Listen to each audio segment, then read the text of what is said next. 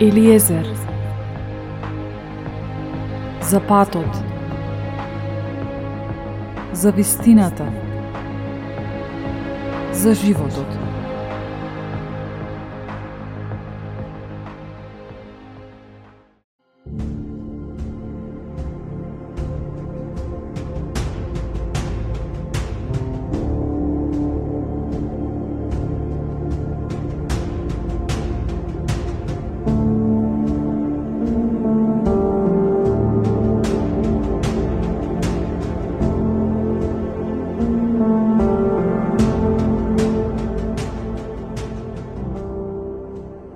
Нашите зборови имаат моќ да ги охрабрат или да ги обесхрабрат другите.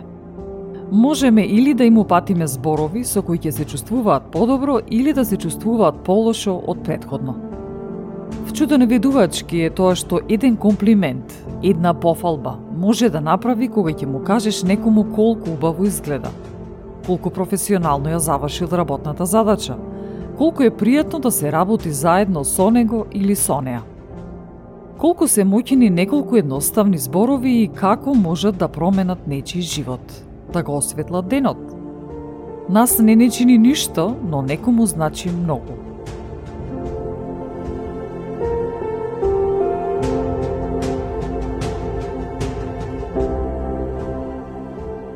Господ Бог ни има дадено моќ и авторитет да влијаеме на другите позитивно, до степен на промена, на пресврт. Секој ден би требало да имаме поставена цел. Да најдеме барем една личност на која ќе и го направиме денот поубав. Ќе ја мотивираме, охрабриме, инспирираме, ќе и бидеме потршка. Да започнеме со пофалбите за тоа што таа личност прави добро, а не за тоа што не чини кај таа личност. Понекогаш свесно или несвесно склони сме да ги гледаме само недостатоците кај луѓето. Се што не чини – се што не е како што би требало да биде. Па зошто е тоа така? И на крајот од размислувањето или од разговорот, заклучокот ќе биде дека таа личност нема да биде на листата на посакувани личности.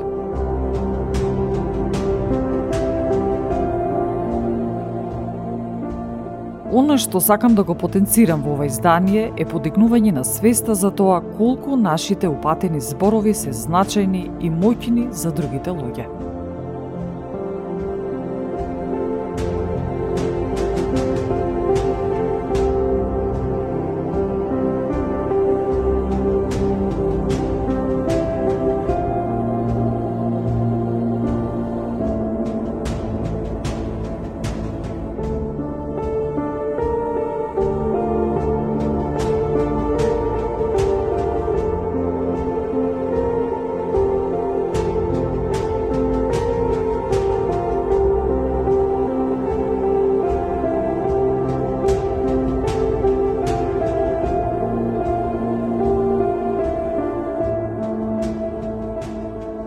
Четвртиот стих од Изреки 18 глава гласи Зборовите од човечката уста се длабоки води, извор на мудрост, порој што се разлива.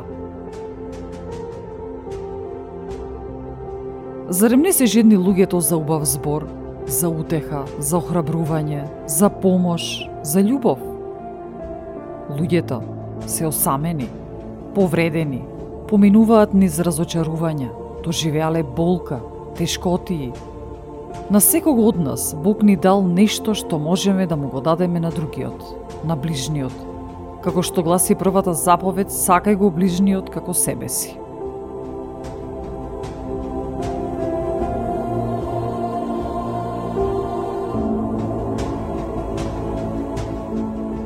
Со нашите зборови можеме да донесеме здравје. Можеме да ги тргнеме другите од прангите на депресијата од разочарувањето. Можеме да им укажеме дека вредат, а со тоа да им ја зголемиме самодовербата, да ги тргнеме од темнината. Со нашите милни и учтиви зборови, зборови полни со љубов и радост, можеме да донесеме промена кај некој човек. Не секогаш нашите предпоставки за одреден човек се точни. Дали можеме да знаеме што се случува во неговата внатрешност? Какво минато носи, што му се случува во моментот, како бил воспитуван, како растел, што доживеал. Многу се работите што можат да се набројат.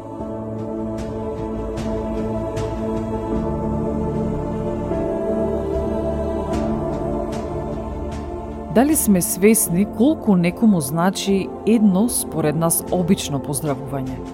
Дали е тоа добро утро, или добар ден, или здраво, како си, мило ми е што те гледам. Па тоа, зачинето со искрена насмевка, верувајте, целата атмосфера се менува.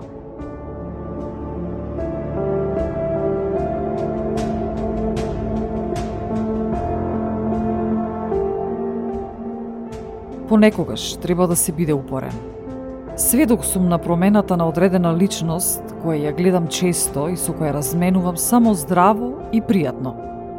Имено, неколку месеци таа личност никогаш не ми возвраќаше ни на мојот поздрав, ни на кажувањето пријатно. Убав ден. Морам да бидам искрена.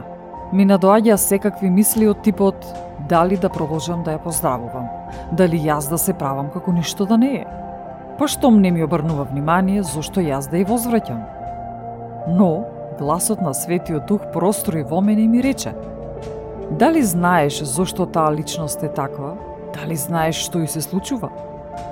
Послушај ме мене. Без исклучок, секој пат кога ќе сретнеш поздравија. Така и направив. Јас со поздрав, а таа не. И траеше тоа одреден временски период. Немаше никаква промена, се беше исто. Но, верувале или не, ситуацијата започна да се менува. Сега, личноста што не ми возвраќаше, ми го возвраќа поздравот и тоа со насмевка.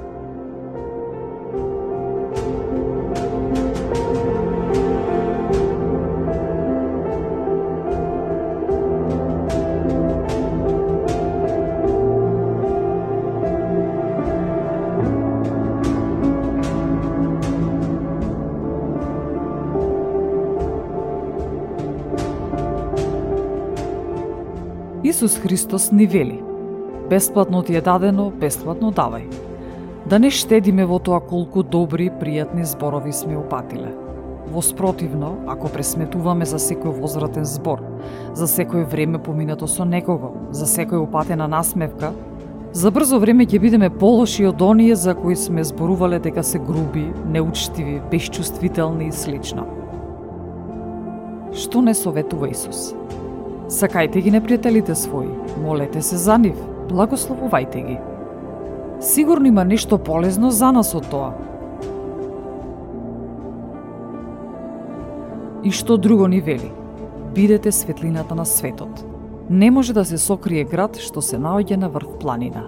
Ниту пак светило се пали и става под поклоп. Туку на свеќник им свети на сите вкуќи. куќи. Така треба да свети пред луѓето и вашата светлина, за да ги видат вашите добри дела и да го прослават вашиот Отец Небесни. На овој начин, Господ Бог сака да не искористи за преку нашите зборови и дела, да му помогне на друго свое дете. Единствениот глас што Небесниот Татко го има на оваа планета е нашиот глас. Да се согласиме, да ја искористиме нашата слободна волја да биде Божјата волја Затоа секогаш кога правиме добро, сушност му дозволуваме на Бог да благослови некого, да му помогне, да го тргне од темнината во која се наоѓа. Истото и за нас. Колку пати во животот сме се нашле во тешки мигови. И токму во тие мигови некој ни упатил утешни зборови. Се помолил за нас, не охрабрил,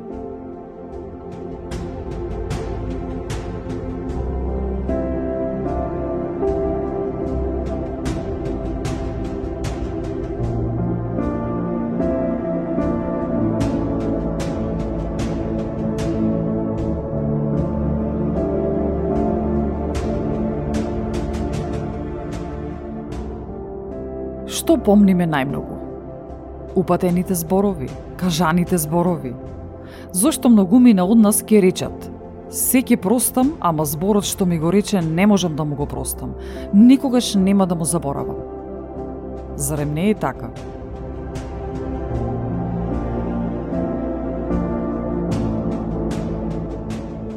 Ако се согласуваме со ова, се наметнува прашањето. Зошто да бидеме токму оние чии изговорени зборови би биле во нечии непријатни спомени и сме асоциација на нечија повреда? Подобро е да шириме и даваме благослови, отколку проклества, нели?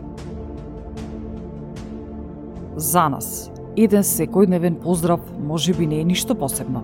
Но замислете, што може Бог да направи кога ќе ја додаде неговата надприродна моќ на тој поздрав? Исус како им кажуваше на луѓето? Јас не го правам тоа само од себе, туку го прави мојот татко кој е на небото. Истото важи и за нас. Потребна е само наша согласност. Чуда се случуваат секој ден –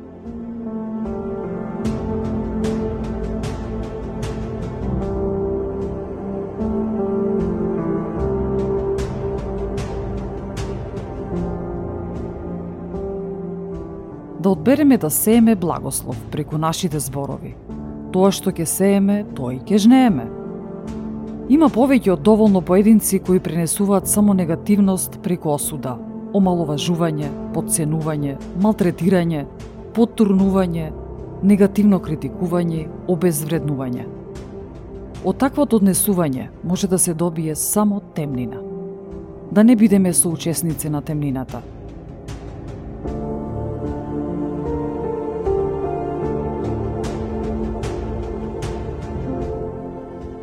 25 стих од Изреки 12 глава гласи Грижата во срцето го притиска човекот, а добриот збор го весели.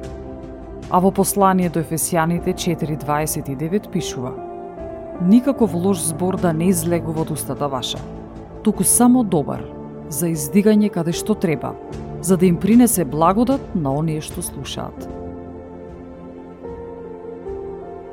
Да бидеме искрата во нечи живот – да бидеме благослов за некого преку нашите зборови. Мигот, посветен некому, е како миг запечатен во вечноста.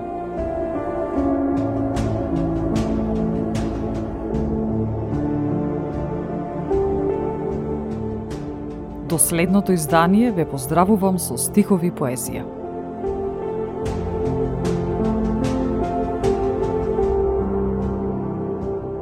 Милина се смее срцето од хранливиот залак од зборови. Се мрестат зборовите во празнината на душата и си велат. Ајде, ајде душичке, мила душичке, нарасни. Не клечи така замелушена. Ја прават зборовите својата тајна напивка и ја тураат во незиниот казан за подхранување. Влекуваат зборовите во незиното струјно коло – за момент избива спој. И душата е повторно жива. Ах, милина, каква милина на душата!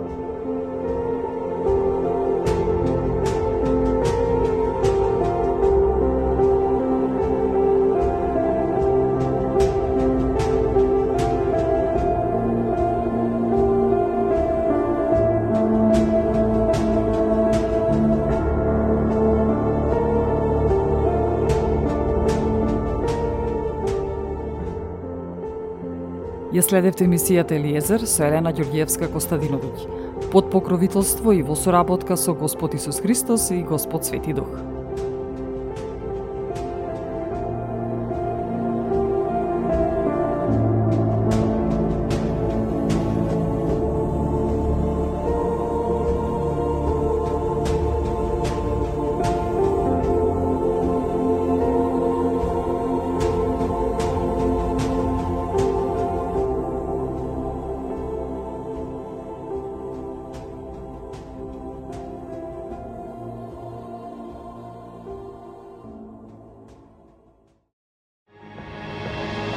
Eliezer